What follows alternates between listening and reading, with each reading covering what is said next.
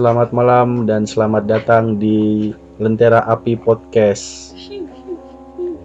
Yeay.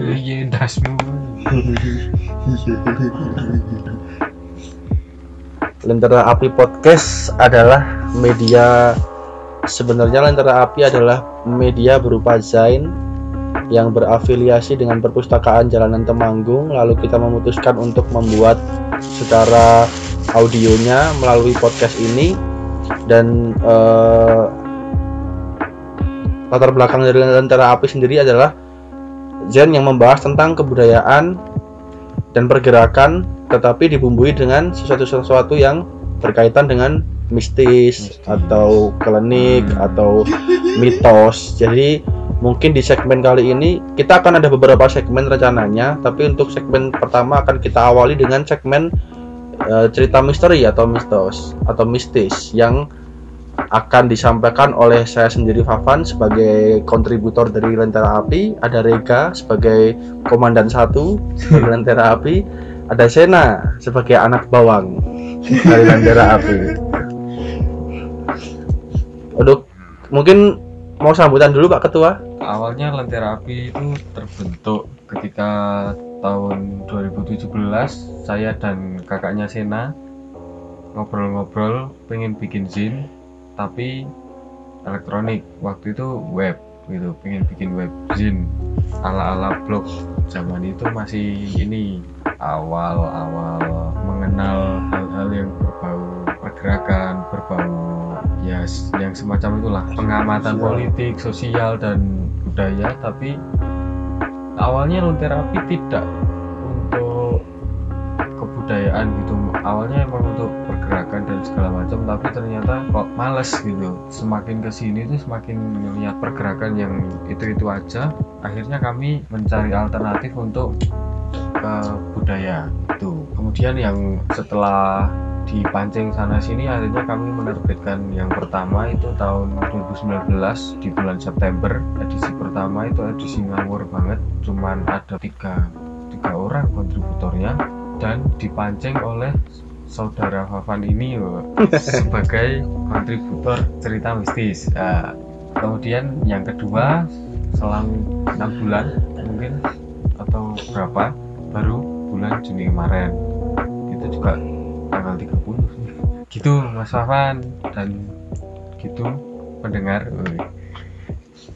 Ya begitulah pendengar Lentera Api sekilas dari Lentera Api Podcast dan Lentera Api Zen yang memang kita awalnya bergerak lewat Zen. Eh kalau sekedar intermezzo aja nih Reka ya, kawan Reka. ya Kalau kita kan bikin podcastnya ini kebetulan jam 2 pagi. Karena emang kita ingin menyesuaikan eh, segmen horor ini dengan kondisi dan waktu yang timingnya pas. Jam 2 di mana konon makhluk-makhluk tak kasat mata sedang on fire on fire-nya kita bikin di sini. Terus kalau saya kan sempat ini ya apa berbincang eh, intermezzo aja sama kawan kita termasuk kontributor dari Lentera Api juga yaitu kawan Najib Kliwon. Katanya ini menurut penanggalan atau pemangsaan Jawa ini termasuk dalam mangsa kasiji gimana tuh? Ceritanya gimana tuh? Kok Eh. bisa pas gitu? Iya, eh, dalam apa ya dalam budaya Jawa sebenarnya dikenal beberapa sistem penanggalan gitu. Eh, salah selain ada panca pancaworo atau pasaran yang dimulai dari legi, kemudian ada pon, ada eh, paing, ada wage, ada piwon, eh, juga dikenal dengan Pranoto Mongso sebenarnya Pranoto Mongso itu digunakan ketika untuk pertanian gitu. hmm. Nah, eh, nah Mongso kesiji itu dimulai dari kalau negara tropis itu sebenarnya tanggal 21 mau ke tanggal 22 dimulainya hari baru di Jawa itu kan ketika matahari surup atau matahari mulai tergelincir setelah asar kalau bahasa lah mudahnya. Jadi ya sekitar itulah. Nggak tahu sih ini cuman fase atau mungkin kebetulan aja gitu kalau ala-ala anak-anak new age itu semesta yang memberikan jalan Yo, memang ada kata-kata new age karena ini ya eh, latar belakang kawan mereka ini memang penggiat ini ya kebun sari jazz begitu. Oke, jadi tidak usah berlama-lama lagi dan bertele-tele lagi. Eh, hari ini ada berapa cerita ya kawan-kawan? ada beberapa lah ya Ada beberapa cerita lah ya. Ada sekitar tiga cerita Ya, dari paling kita. tidak ada tiga paling cerita. tidak ada tiga cerita. Ada dari saya pribadi, ada dari Rega, dan dari Sena teman kita. Cina saya dong Halo, Sena, sehat dulu. halo sobat Chronicles. Sobat mistis. Ya, itulah tadi Sena desain desainer temanggung juga dan juga mengikuti pergerakan perpustakaan jalanan.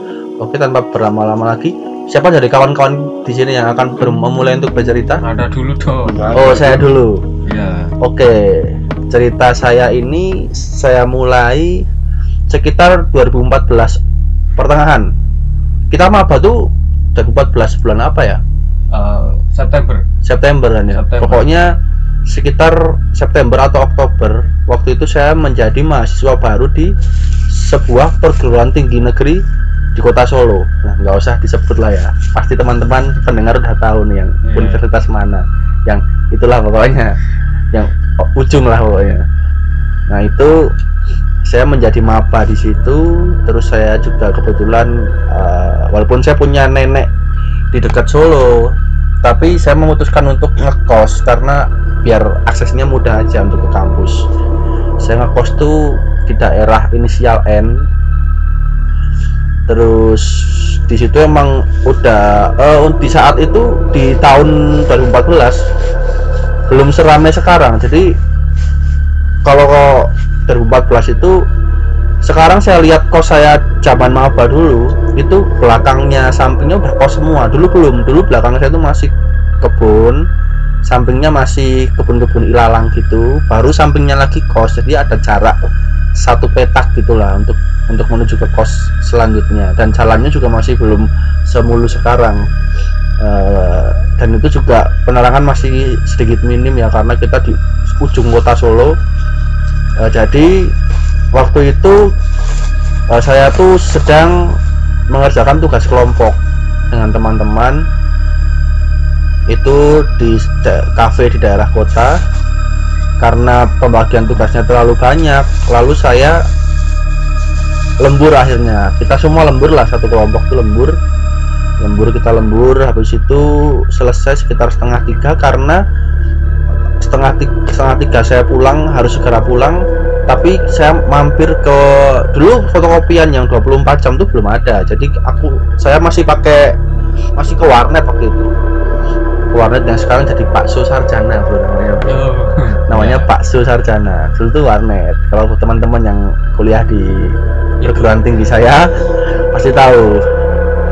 Nah itu dulu saya mampir ke situ karena memang eh, kelas siang tuh saya harus presentasi tugas yang saya kerjakan di malam itu waktu saya lembur saya habis ngeprint setengah tiga atau jam tigaan tuh saya sampai kos. Nggak ada perasaan apa apa sih jadi kayak santai aja. Karena emang juga badan udah capek pikiran udah capek niatnya tuh langsung pengen tidur. Ternyata saat saya jadi sekilas tentang kos saya kos saya itu tiga lantai. Saya menempati lantai kedua yang langsung bersebelahan dengan kebun dan pohon besar gitu lah nggak tahu saya pohon apa namanya yang pasti bukan pohon beringin tetapi itu pohon cukup besar yang ada di pertigaan sebelah kamar saya persis. Nah di situ eh, saya menempati kos itu juga masih beberapa bulan jadi belum terlalu tahu lah gimana gimananya atau ada kejadian apa sebelumnya. Tapi sebenarnya itu saya udah feeling nggak enak karena waktu awal banget saya ngekos itu saya inget ospek ospek kan tiga hari. Kalau di kampus saya itu tiga hari ada ospek fakultas sebulan. Tapi ospek universitas itu tiga hari. Jadi waktu tiga hari ospek selesai saya dan teman saya namanya Sakai itu main kartu remi. Karena kosnya kan ada balkonnya. Terus kita main kartu remi di balkon. Jam 12 malam lebih lah jam satuan gitu. Masih kita masih main kartu. Ada orang teriak-teriak rame saya kira awalnya tuh oh ini kayaknya ada yang surprise ulang tahun mungkin gitu.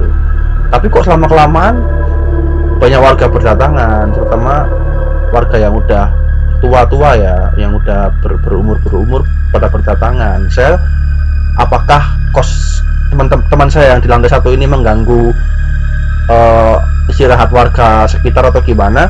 Saya curiga tapi saya nggak curiga sejauh ada kejadian-kejadian yang nggak enak saya masih mikirnya itu mungkin mengganggu atau berisik. Ternyata waktu saya turun penghuni lantai satu kos saya itu kesurupan Pak, ternyata. Hmm. kesurupan dan katanya ada ya sesepuh di kampung saya itu kampung tempat saya ngekos tuh katanya tuh ada dua. Ada dua makhluk lah yang yang memasukinya dan itu saling bergantian. Jadi kan kos saya kos kos kos nggak nggak kos campur ya kos cowok semua. Nah saya nggak kenal sama orang yang kesurupan itu tapi dia itu waktu saya saya datangi karena itu kan rame-rame kan pasti orang penasaran itu bisa ngeluarin suara cewek. Jadi dia itu cowok tapi ketika dimasuki mungkin eh, makhluknya itu makhluk cewek wanita gitu perempuan gitu. Dia ngeluarin suara cewek aneh sekali padahal itu dia cowok.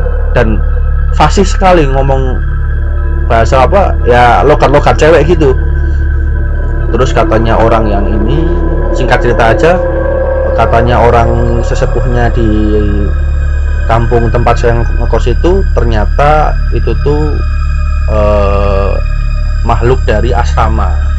Memang kalau sekilas cerita tentang asrama kampus saya itu asrama yang dari mungkin sudah empat tahun lima tahun terbengkalai gitu baru dua tahun tiga tahun terakhir ini diperbaharui. Dulu zaman saya masuk menjadi maba itu masih nggak karuan masih banyak pohon beringin jalan juga masih bol- berlubang-berlubang. Dan itu itu apa namanya eh, masih sangat menambah keangkeran ya. Jarang lah ada orang yang apa menempatin asrama. Sampai bahkan sampai asrama itu pak sampai ini apa harganya tuh diturunin. Hmm. jadi kita tuh dengan budget 3 juta itu bisa nempatin asrama itu satu semester kalau nggak salah.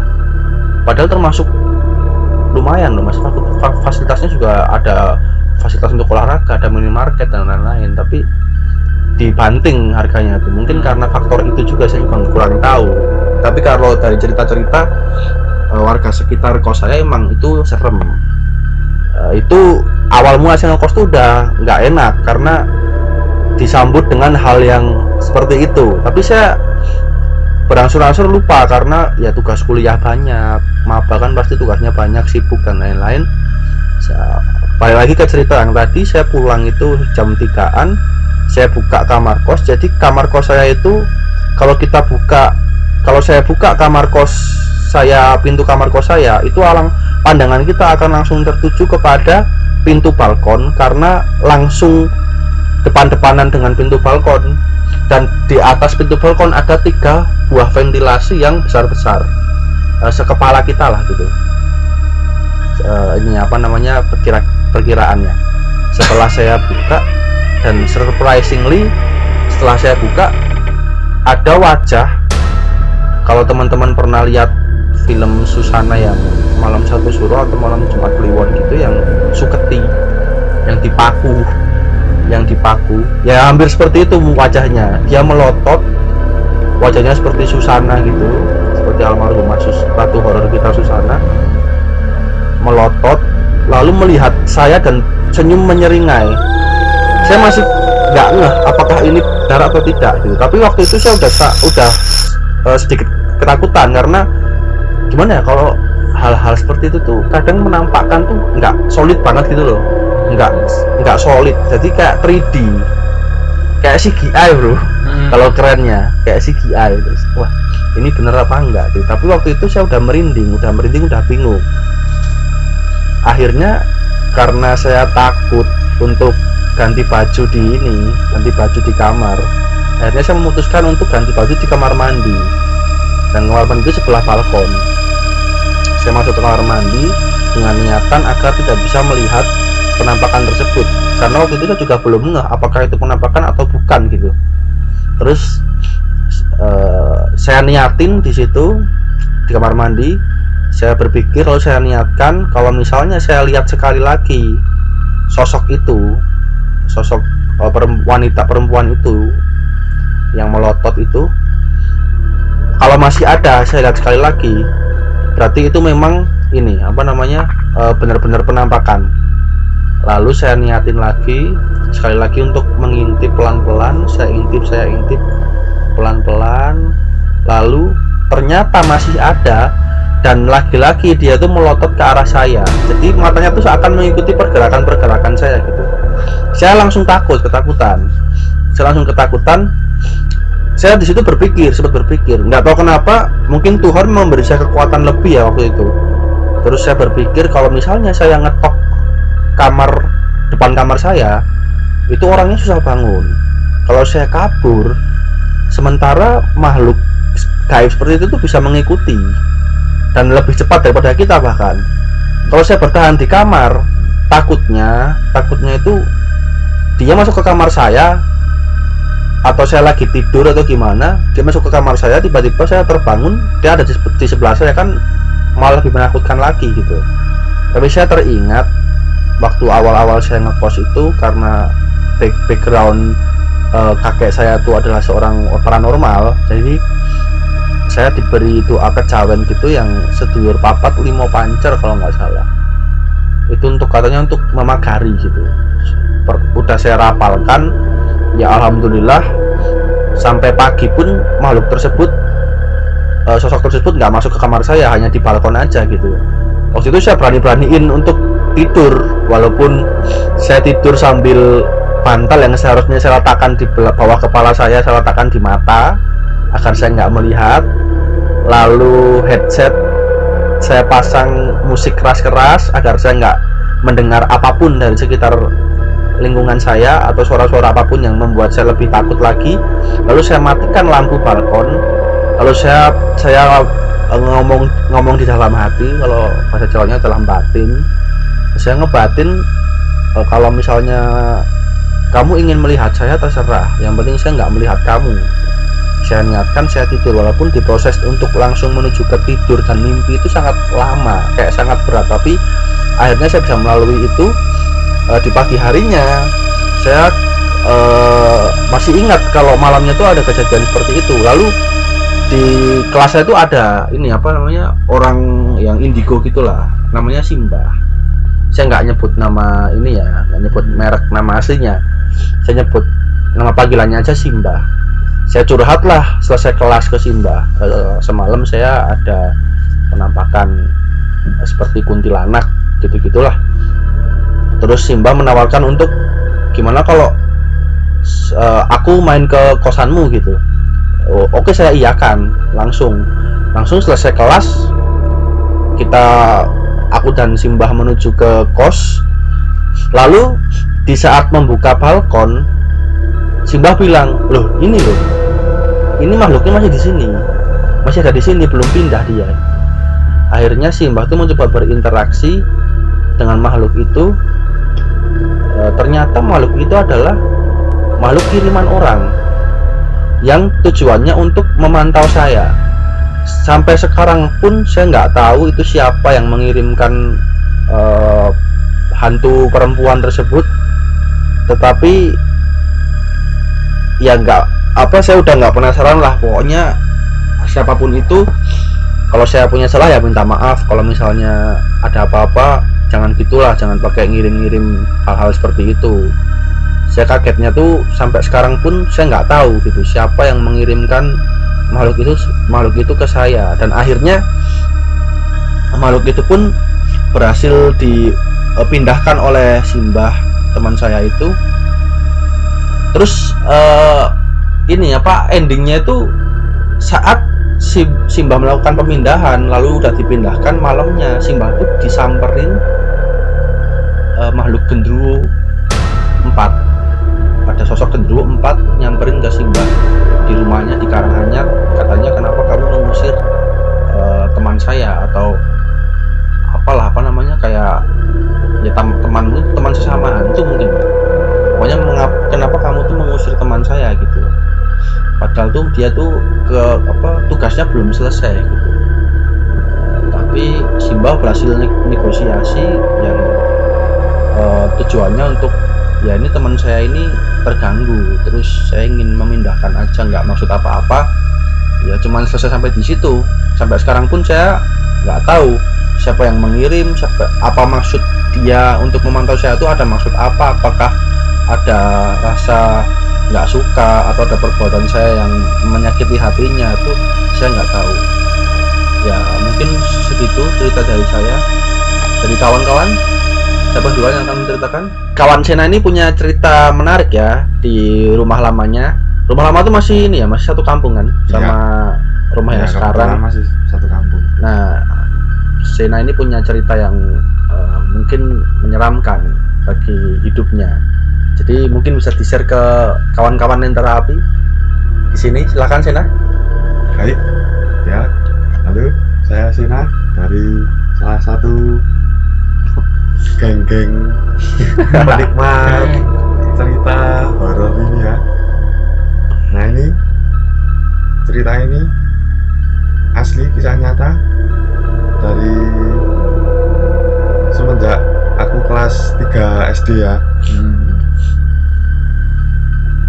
dulu waktu saya kelas 3 SD sebelum pindah rumah ke rumah yang sekarang rumah saya kebetulan rumah lama dan tinggalan eyang buyut saya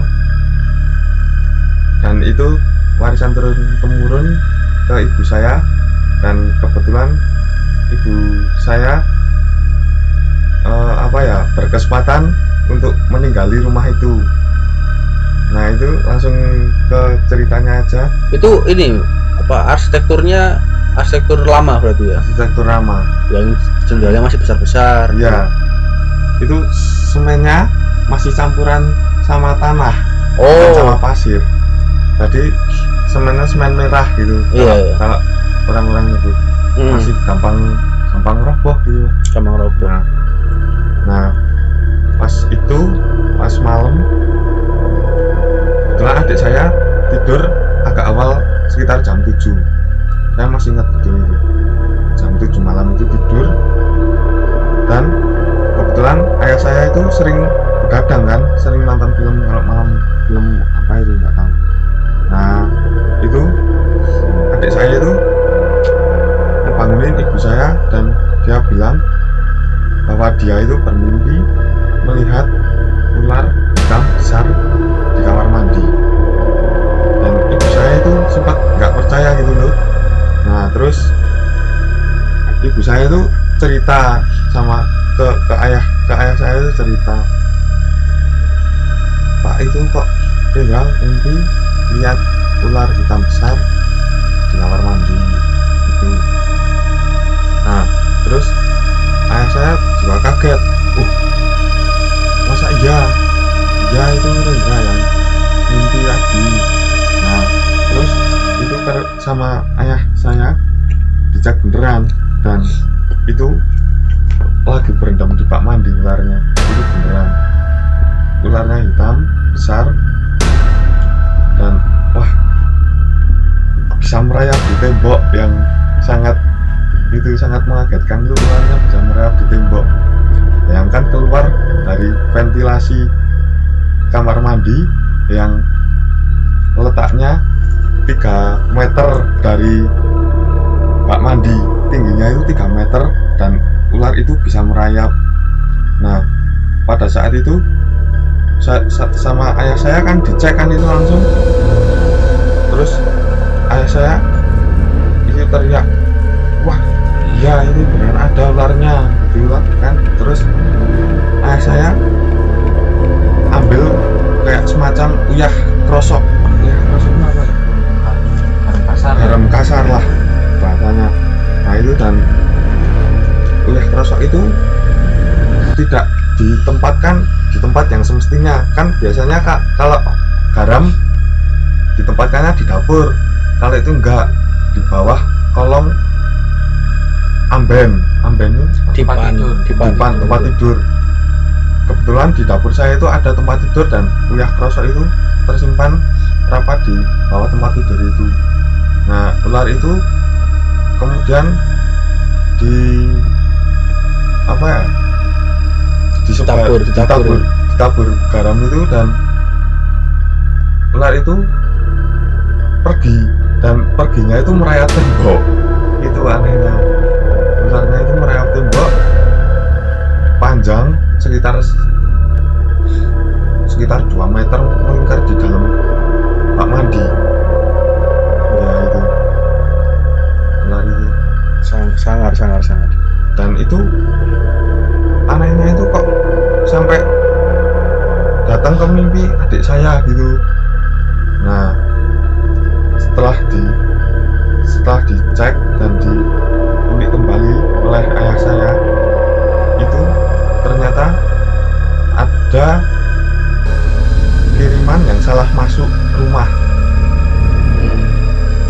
itu tadinya tidak berbentuk ular melainkan berbentuk semacam banaspati tapi bukan ya? Kayak ya santet gitu ya? Ya, ya kayak santet ya tapi setelah masuk rumah saya itu jadi berwujud ular nah itu dan mau masuk rumah saya itu kebetulan tidak bisa karena kata kalau kata ayah saya udah ada pring Ring kuning. ring kuning yang dipasang di kebetulan dulu itu dipasang di eh, atas pintu dapur. Ya itu. Di atas pintu dapur.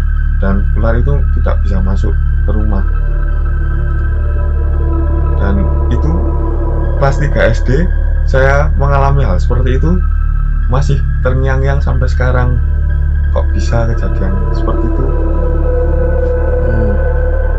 nampak real di kehidupan gitu. Ya ya ya itu aja cerita dari saya. Ya kalau kita bedah sedikit ya. Kan saya sempat melihara ular. Iya. Ular tuh nggak bisa loh kalau ngerep ke tembok. Ya nggak bisa. Nggak bisa. Kecuali lintah mungkin Iya. bisa berarti bisa dipastikan mungkin mungkin siluman mungkin Iya. atau apa ya kiriman. Soalnya berbentuk kiriman gitu. Berbentuk kiriman. Kalau Berbentuk kata ayah kiriman. saya berbentuk kiriman. Berbentuk kiriman ya. Eh, cukup serem juga ya. Ada ular gitu masuk ventilasi lagi.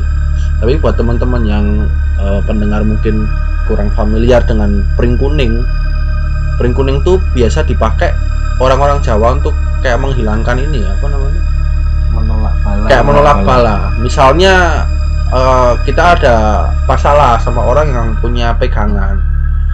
Terus untuk kayak menetralisirnya kita bisa pakai pring kuning itu. Jadi pring kuning itu kayak semacam tanaman yang bisa difungsikan secara metafisikal lah ya. Hmm.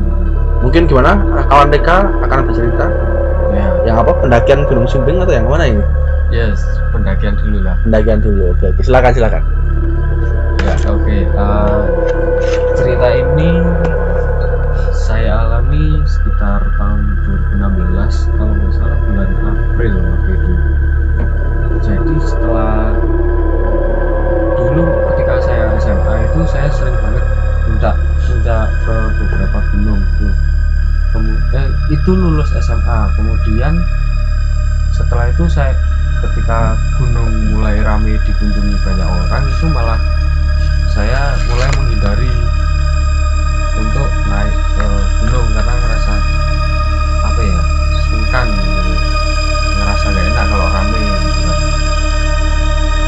Tapi setelah itu tahun 2016 ada beberapa teman saya yang belum pernah naik gunung itu ngajakin untuk naik gunung dan itu kami janjian sekitar ber- lima orang nah. Janjian lima orang dari eh, hari itu kalau nggak salah hari Jumat atau hari Sabtu saya lupa. Pokoknya kami siang kumpul sore sampai base camp. Sore itu kami langsung mendaki jadi kami mendaki Gunung Sumbing via Cepit kalau anak-anak yang suka naik gunung pasti tahu Cepit itu sebelah mana anak temanku pasti tahu Cepit sebelah mana. Dari situ nah awalnya kami tuh cukup kaget karena ternyata kami adalah satu-satunya rombongan yang mendaki di hari itu. Makanya di awal registrasi cukup lama karena nunggu mas-mas penjaga tiket registrasinya itu untuk datang dan itu cukup lama gitu. Eh, setelah registrasi kami langsung naik menuju ke pos 1 yang pos 1 itu namanya pos terminal. Terus kami sampai di situ maghrib sholat dulu di situ sholat terus istirahat sebentar nunggu sampai setelah isya. Nah setelah isya karena di Cepet itu cukup unik jadi setelah pos 1 itu langsung hutan. Jadi langsung nanjak tuh langsung ke hutan gitu nggak nggak ngelewatin kayak ladang nggak ngelewatin apa gitu. Jadi dari base camp ke pos 1 itu lewat ladang tapi dari pos 1 itu langsung masuk hutan. Eh, waktu itu mungkin karena badan saya yang udah lama nggak pernah puncak jadi beberapa meter mungkin sekitar 50 atau 100 meter dari pos 1 itu saya langsung kram. Kanan kiri paha saya itu langsung kram. Dan saya eh, istirahat dulu. Sebentar habis itu melanjutkan perjalanan sampai ke tempat yang cukup tinggi gitu sampai beberapa pos terlewati itu ternyata tiba-tiba hujan deras. Hujan deras dan karena kami sudah istilahnya sudah mempersiapkan berbagai halnya gitu kan. Jadi ya udah hujan deras kami udah pakai jas hujan dan segala macam. Masih lanjut terus lanjut lanjut lanjut sampai itu sekitar eh, mungkin 1000 meter sebelum puncak akhirnya kami memutuskan untuk bangun tenda. Karena cuacanya sangat tidak memungkinkan untuk diteruskan gitu. Jadi kami kena badai. Di atas itu kena badai. Dengan keadaan badan saya yang masih uh, ada trauma kram gitu. Jadi kalau agak berat sedikit uh, kram gitu. Nah uh, keesokan harinya itu ternyata masih badai. Anginnya masih cukup kencang terus walaupun udah nggak terlalu hujan ya waktu itu tapi ada kabut tebal yang menyelimuti gitu. Kabut tebalnya ini sampai saya pulang turun kembali itu masih ada gitu. Nah saya kan tidak merasa wah saya nggak kuat nih kalau sampai puncak karena nggak mungkin gitu Eh, kaki saya itu masih ada bekas kramnya gitu nggak enak banget pokoknya. Akhirnya saya bilang ke teman-teman bahwa yaudah silahkan kalian eh, ke puncak aja. Saya di sini dulu coba tenda sekalian aja biar kalian nggak repot bawa carrier dan segala macamnya ke puncak gitu. Akhirnya saya ke sana. Eh saya istirahat teman-teman ke puncak nah selama masa istirahat saya ini eh, karena saya memutuskan untuk ya udahlah saya tidur aja gitu. Nggak nggak mau nggak tahu mau ngapain nggak tahu bingung juga gitu kan. Akhirnya saya memutuskan untuk tidur. Nah dalam tidur saya ini beberapa kali saya mendengar eh, suara langkah kaki. Beberapa kali langkah kaki beberapa kali dengar omongan orang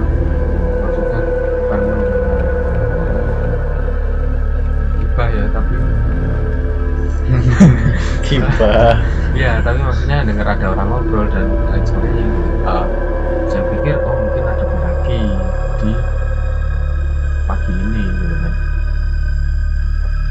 Ya sudah uh, saya nggak menaruh curiga apa pun. Setelah teman-teman selesai sampai puncak yang ternyata di puncak juga kabut akhirnya saya kami mengemas barang-barang dan turun. Di perjalanan turun hujan lagi dengan kabut. Eh, akhirnya waktu itu kami terpecah jadi tiga bagian gitu. Eh, ada satu orang yang paling cepat karena paling bagus fisiknya terus yang di belakangnya itu eh, nyantai. Terus ada saya. Ada saya terus satu teman saya yang dia punya kendala kalau turun gunung pasti lamban dan ada satu teman saya lagi yang dia eh, anak pecinta alam. Gitu. nah selama perjalanan turun itu kami sempat merasa bahwa ada yang terutama saya yang di belakang sendiri bertiga ada melihat anak kecil walaupun itu di hutan-hutan gitu kan aneh rasanya aneh sekali gitu melihat anak kecil ada yang ngikutin. Terus tapi kami bertiga cuman diem aja cuman ngobrol lucu-lucuan gitu kan. Ya udahlah gitu udah tinggal turun gitu mau ngapain lagi. Sampai di kembali lagi di pos terminal pos 1 pos terminal eh, teman-teman itu ternyata nunggunya katanya lama banget sekitar dua jam gitu. Jedanya. Padahal kami ngerasa bahwa kami tahu posisi mereka di depan itu di mana gitu. Kemudian cerita-cerita lah bahwa eh, kok kok aku merasa kayak ada yang ngikutin ya? Kok aku nggak enak ya? Ini kayak ada yang eh, anak kecil ya. Kok ini kok aku ngerasa ini ya? Terus ada satu cerita yang di depan ternyata mendengar eh, teriakan. Teriakannya itu memanggil namanya tapi dengan suara saya. Dikiranya saya udah dekat ternyata setelah ditunggu-tunggu kok nggak muncul-muncul gitu kan. Akhirnya dia meneruskan perjalanan untuk turun sendirian gitu. Kemudian yang di belakangnya lagi itu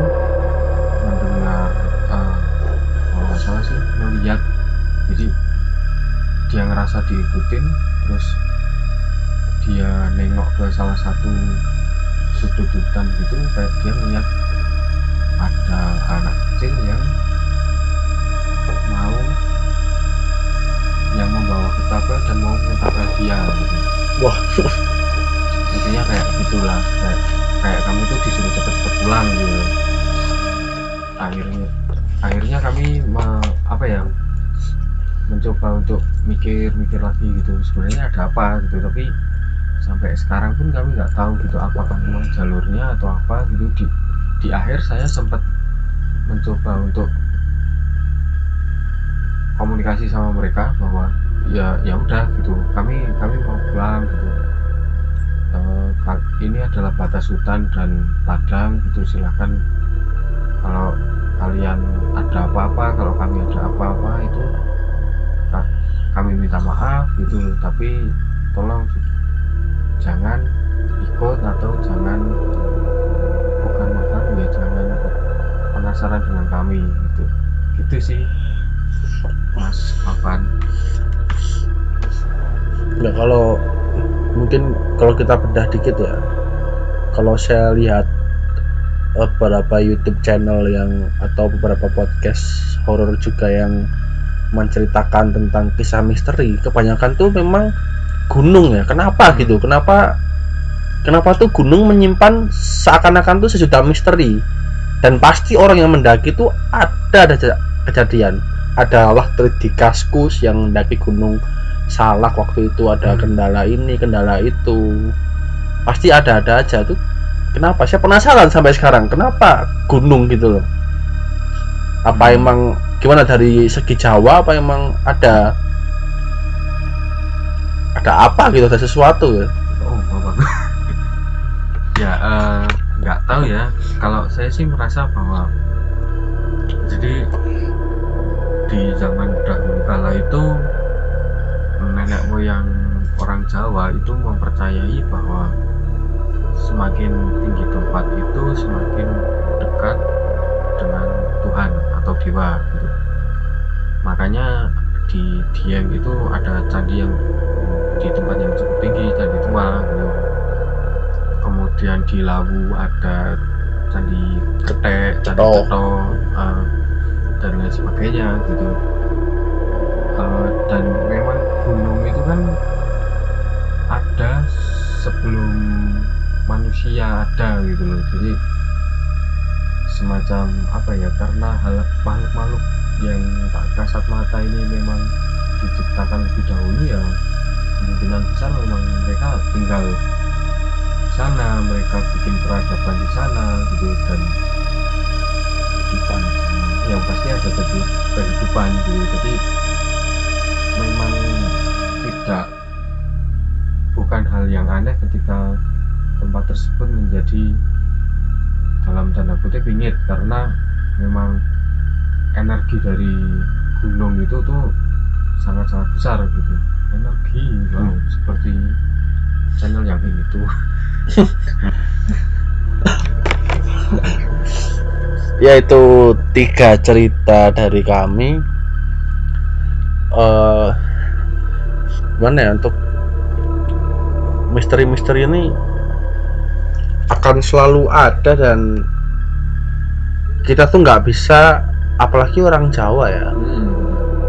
Nggak bisa kayak lepas dari ini apa namanya eh hal-hal mistis lah. Kita dari kecil udah dicekokin hal-hal mistis bahkan. Iya. Bahkan waktu gimana ya eh, kalau misalnya teman-teman ini kan kita ada di Temanggung ya. Kayak teman-teman pernah nonton film Lampor mungkin. Iya nah iya. dulu itu masa kecil kami itu kalau kita maghrib belum pulang pasti orang tua kami bilang hei kamu pulang nanti digondol lampor. Nanti Hmm. dicuri lampor nanti kamu diambil sama lampor. Itu udah dari kecil kita tuh dapat dapat hal-hal seperti itu. Jadi memang mungkin ini uh, uh, melekat sampai sekarang ya. Dan nggak kaget juga kami dengan kejadian-kejadian seperti itu. Bahkan ada teman kita juga yang pernah diculik. Mungkin kapan akan kita iya. ajak diskusi juga ajak kita akan ajak- kita ajak cerita karena dia diculik sama lampor ternyata. Saya baru tahu tadi. Kaget juga saya ternyata oh ternyata real juga gitu. Dan mungkin eh, karena kita membahas sesuatu yang mistis mitos atau apa apakah ada rekomendasi dari teman-teman kawan-kawan di sini tentang apakah atau film film horor yang oh ini keren nih gitu. Rekomendasi buat pendengar atau tweet tweet Twitter misalnya kan banyak tuh tweet Twitter sekarang di baca horor atau apa. Kan banyak sekali. Apakah ada dari teman-teman? Kalau Sena jarang nonton film horor dia nggak berani soalnya. Hmm, hmm. kalau kawan mereka ada nggak nih Eh, untuk kalau film horor yang paling berkesan tuh saya malah sebenarnya Setan tapi yang tahun 80 oh setuju saya. Itu itu itu bagi saya itu berkesan bukan nggak ngeri sih gitu. Karena saya merasa nonton film horor itu lucu-lucu gitu. Tapi yang berkesan tuh itu. Nah itu sih sama apa ya? Nggak ada sih kita kayaknya tuh baru itu yang berkesan kalau dari saya mungkin yang buat bisa teman-teman nonton eh coba nonton film Ratu Ilmu Hitam yang versi Susana yang tahun 80-an gitu dan yang versi remake-nya yang 2019 kalau nggak salah. Itu ceritanya mungkin akan sedikit berbeda tetapi tokohnya sama sama-sama yang melakukan ilmu hitam adalah so- eh, tokohnya namanya Murni. Jadi sama. Jadi mungkin teman-teman bisa nonton itu di platform-platform digital.